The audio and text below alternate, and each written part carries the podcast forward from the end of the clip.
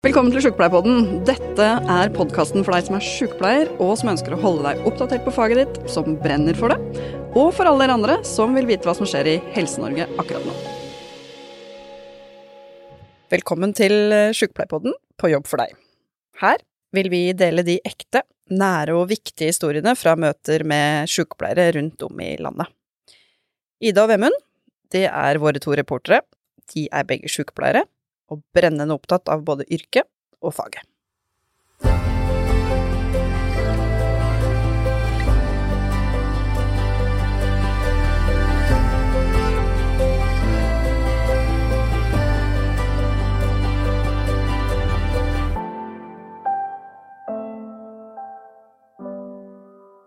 Velkommen til eh, På jobb for deg.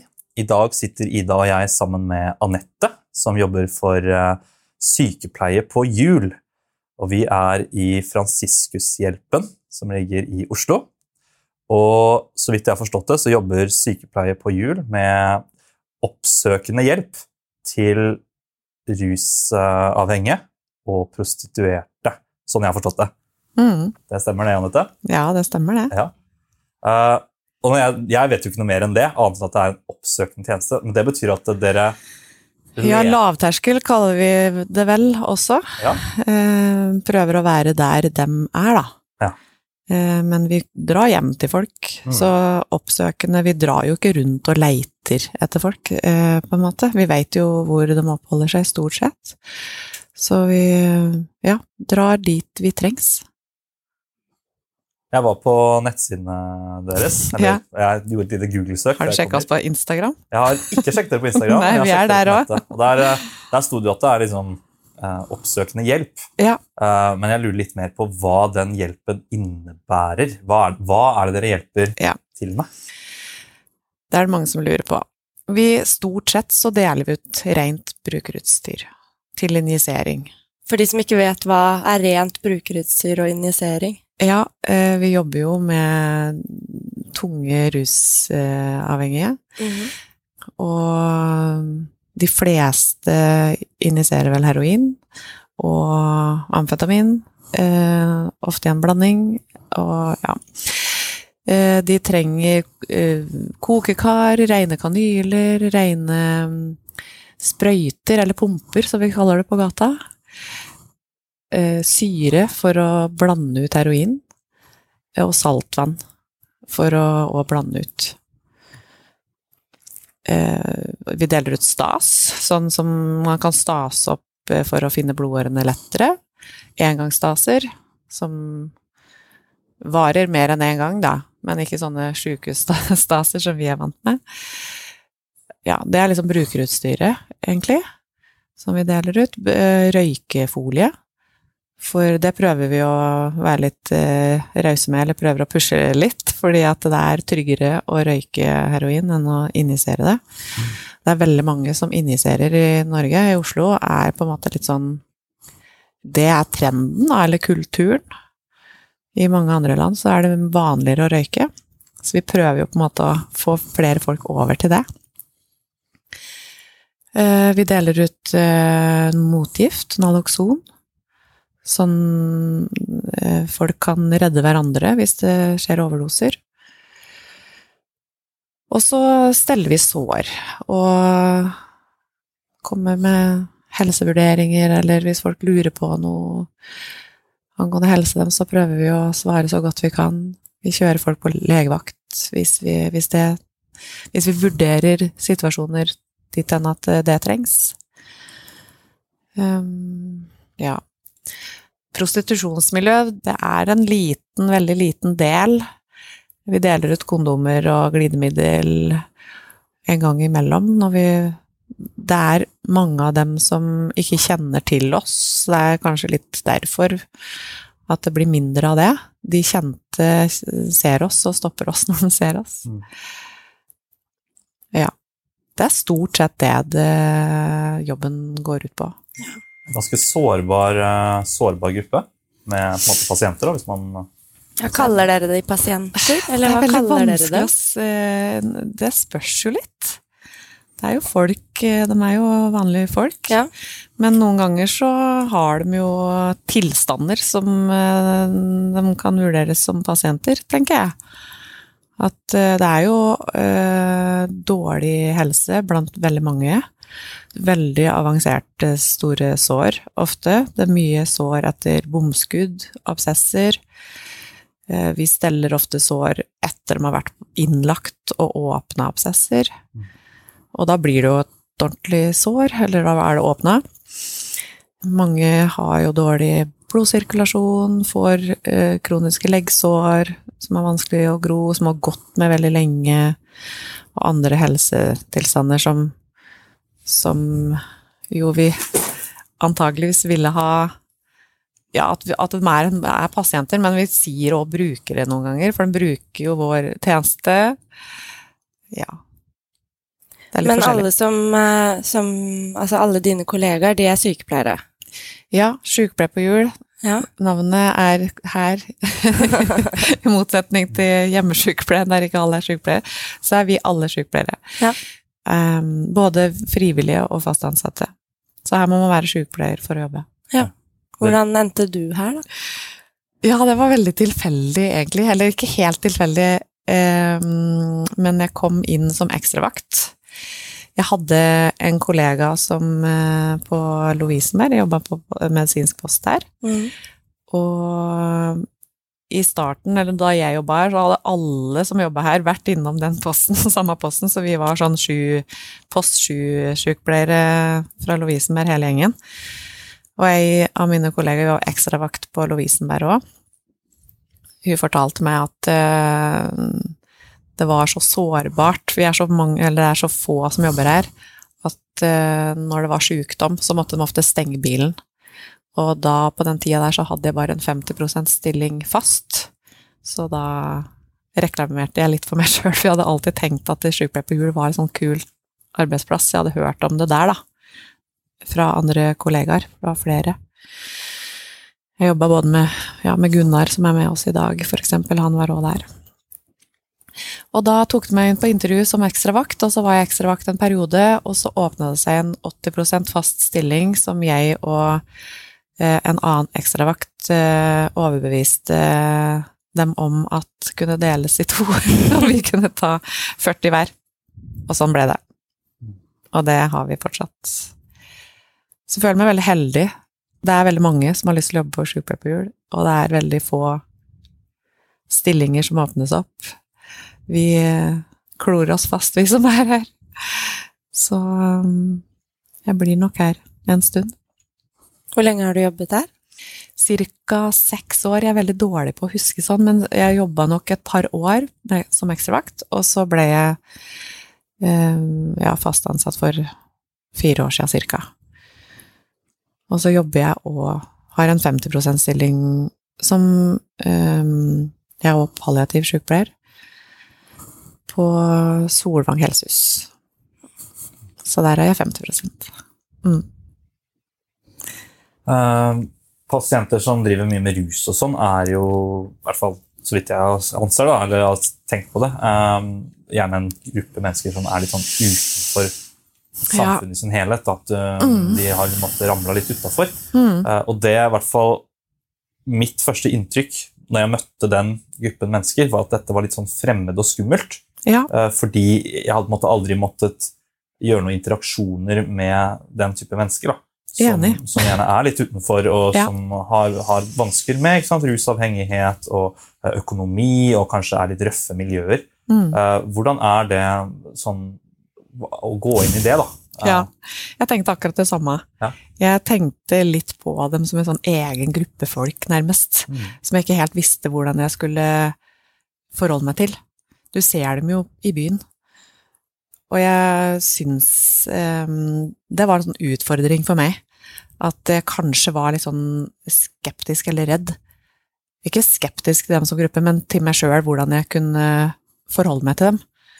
Og hvordan man skulle prate med dem, for at det føltes så annerledes. Mm. Så jeg tror at det for meg var en sånn um, En interesse som gjorde at jeg syns Eller jeg hadde lyst til å jobbe her, da. Jeg syns det er veldig morsomt å kommunisere med forskjellige typer folk. Ja. Og det er veldig ja, artig å prøve å finne tonen. Men jeg fant ganske kjapt ut at det var jo ikke noe eget språk, det var jo bare å være seg sjæl. Ja. Og at det funker egentlig best mulig, for hvis du prøver å legge til det sånn røff gatetone som jeg ikke kan være fra Toten, liksom. Har ikke hatt eh, verdens mest trygge oppvekst. Jeg kan ikke prøve å late som noe jeg ikke er. Men hvis du bare forholder det til dem på helt vanlig vis, så føler jeg at, det, at det tonen blir øh, enkel, da, fordi at de er rimelig De har jo levd et eh, et til liv, veldig mange, og jeg tror de er ganske gode på å gjennomskue det, hvis du prøver å fake det. Ja. Og det kan de kanskje bli litt sånn provosert av, nærmest. Ja.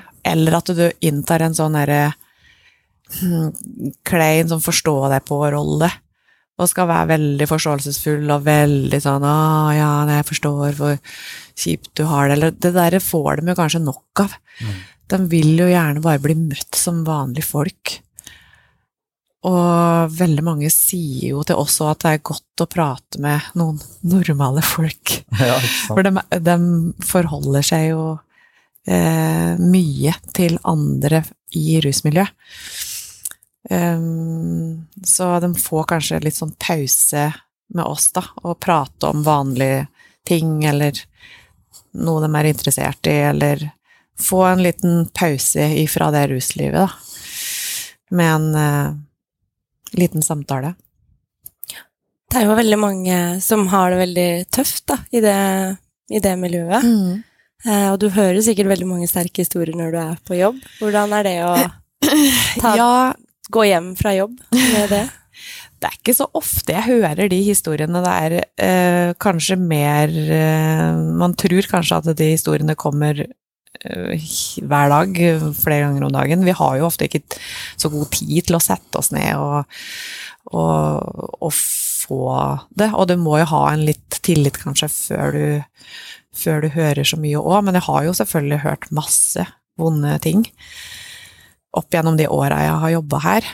Og det er veldig fint de gangene du får tid til å sette deg ned og lukke igjen døra og ha en samtale med, med folk.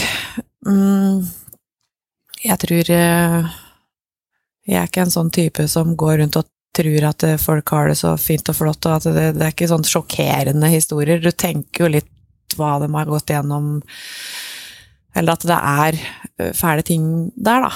Um, så det er ikke sånn Det er sjelden jeg blir sjokkert, men det er veldig sterkt å høre det, så klart. Men jeg føler det er en ganske sånn lett og fin tone på bilen. Det er mye humor, det er mye um, lett prat, eh, positive tilbakemeldinger. Det er, det er ikke så tungt som folk uh, tror. Vi kaller det verdens beste jobb. vi eh, storkoser oss på jobb. Det gir meg kjempemye energi. Pappa har vært veldig mye hjemme hos meg nå, for jeg driver og pusser opp. Og han har uh, bemerka det flere ganger når jeg kommer hjem fra jobb fra sykepleierhjul. Du får veldig mye energi du av å være på, på jobb der. Og det gjør jeg. Det er òg kanskje fordi at det er så meningsfullt. Du føler at du virkelig har gjort en god jobb når du kommer hjem. Ofte gjør du i hvert fall det. Eh, Du har kanskje møtt noen kule folk, eller du har Ja. Og det får du energi av, da. Jeg får i hvert fall det. Ja, Jeg blir ikke tappa her. Nei, det er veldig bra. Ja. Bra å trives i jobben din. Mm. Men det er veldig vekslende, sånn med de sterke tinga som du innimellom får, og den gode energien som eh, vi ofte opplever. Mm. Men en god blanding. Er det sånn at du på en måte blir kjent med noen av de Ja. dere treffer? Det, mm, det gjør vi. Mm. Og det er vel ofte dem du òg får litt historier fra, som er ofte inne på bilen, som får et tillitsforhold til oss, som føler seg trygge der. Som eh, ja, føler de kjenner oss.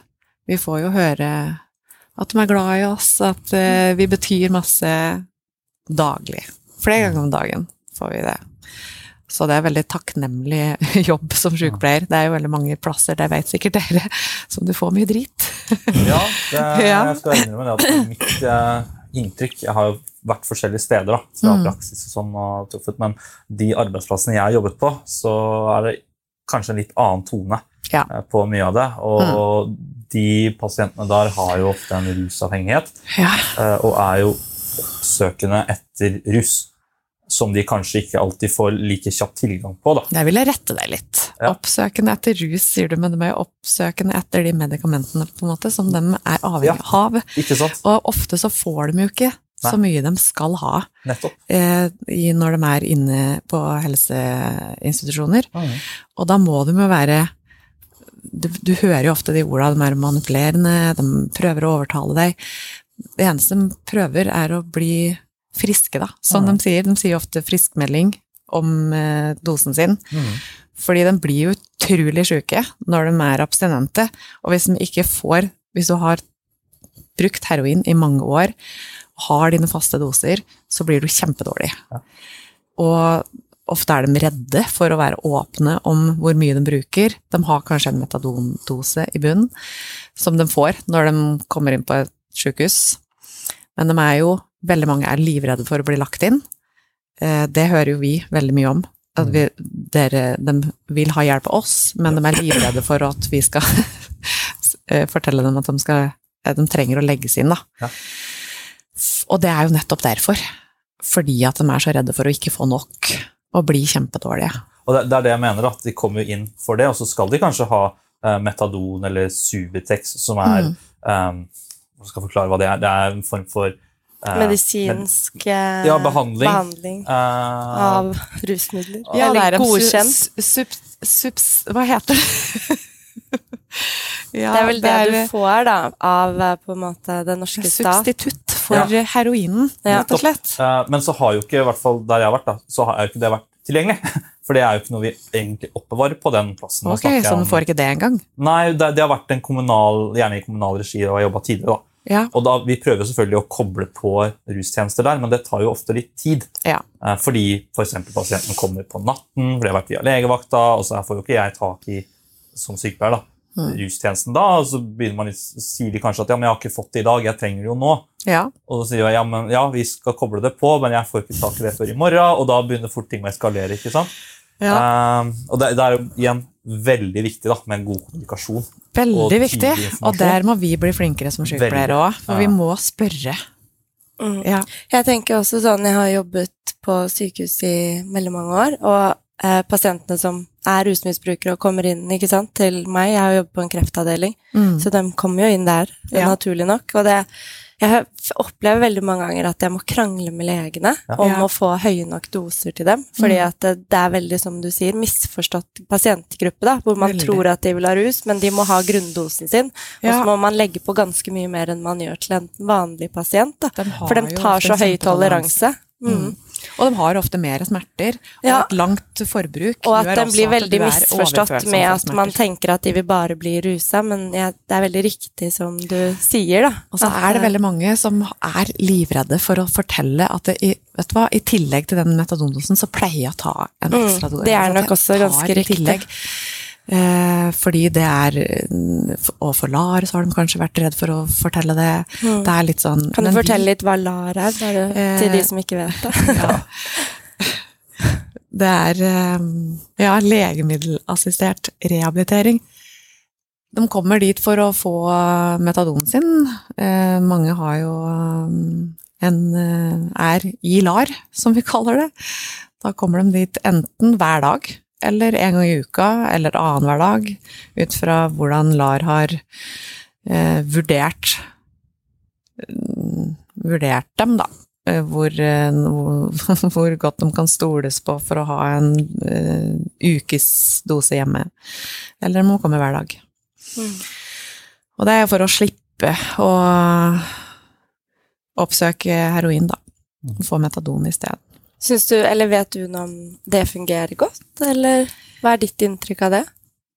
Begge deler. Ja. Det er veldig mange som er veldig glad for å være der, selvfølgelig. Mange har mye å klage på òg.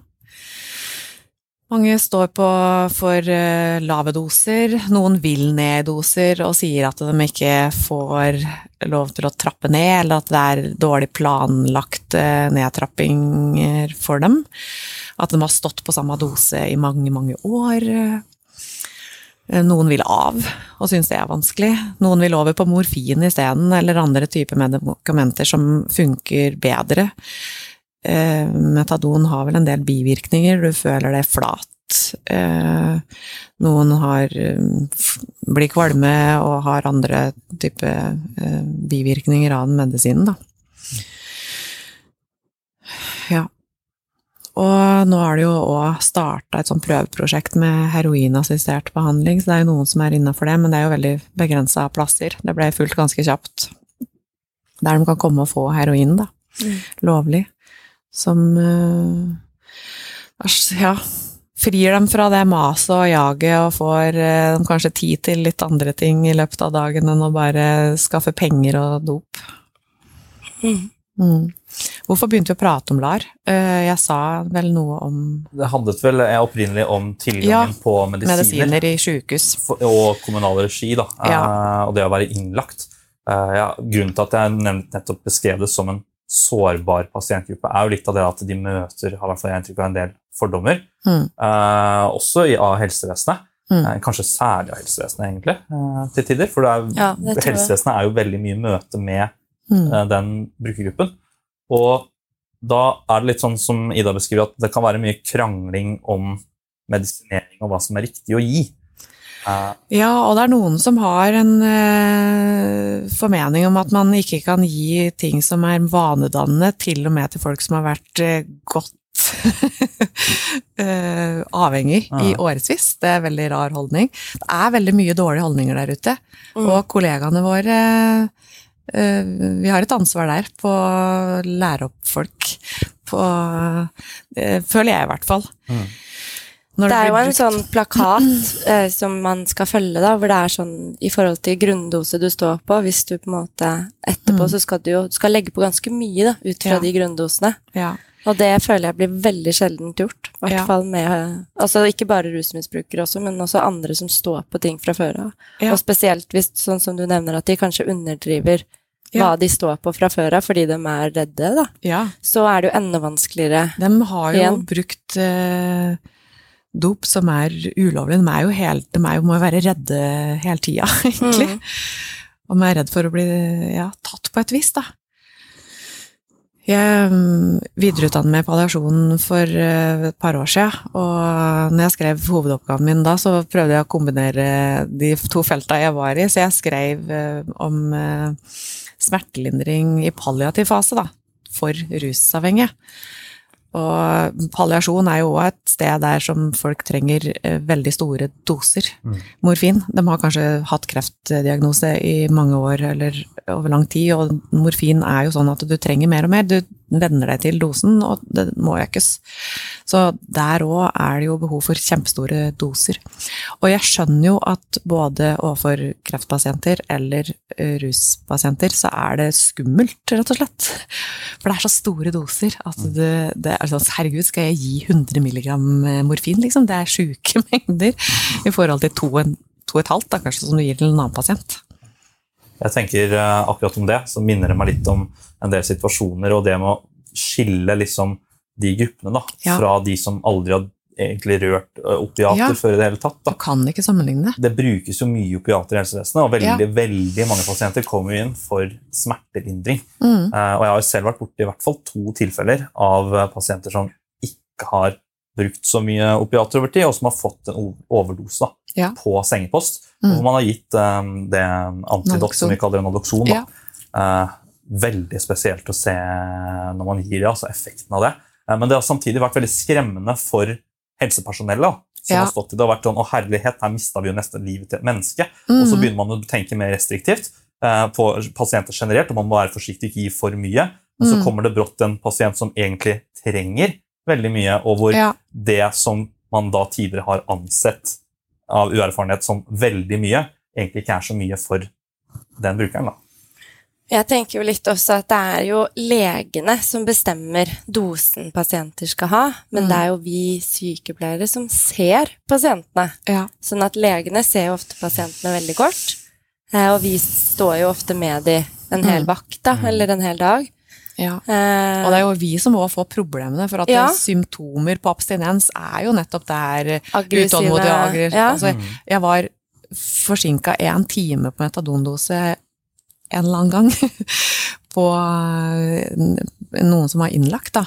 Og jeg så det med en gang, den personen var jo helt annerledes. Mm. Altså, det var jo verdens eh, mest tålmodige type til vanlig, men da var jeg forsinka, for jeg visste ikke om at han skulle ha det tidligere enn det vanlige medisintid. Eh, og da var han liksom sånn, alt var gærent, og det var Og det er jo det her vi sykepleiere må, må deale med.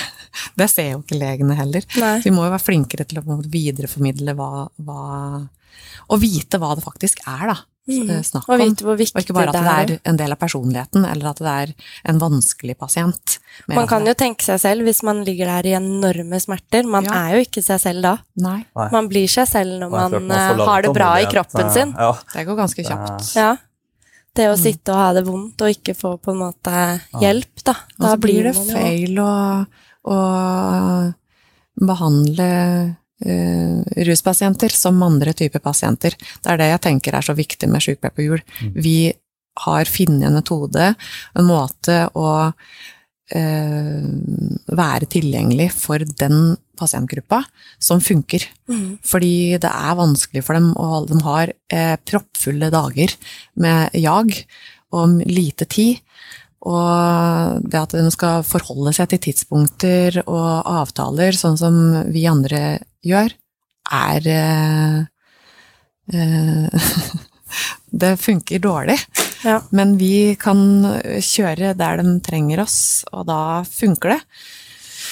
Vi var akkurat i en konferanse i Glasgow, og da var det snakk om eh, hard to reach patients, eller pasienter som er vanskelig å få tak i, og det var sånn Vi må slutte å snakke om det. Det her var eh, vår pasientgruppe, det- hepatitt C-konferanse vi var på.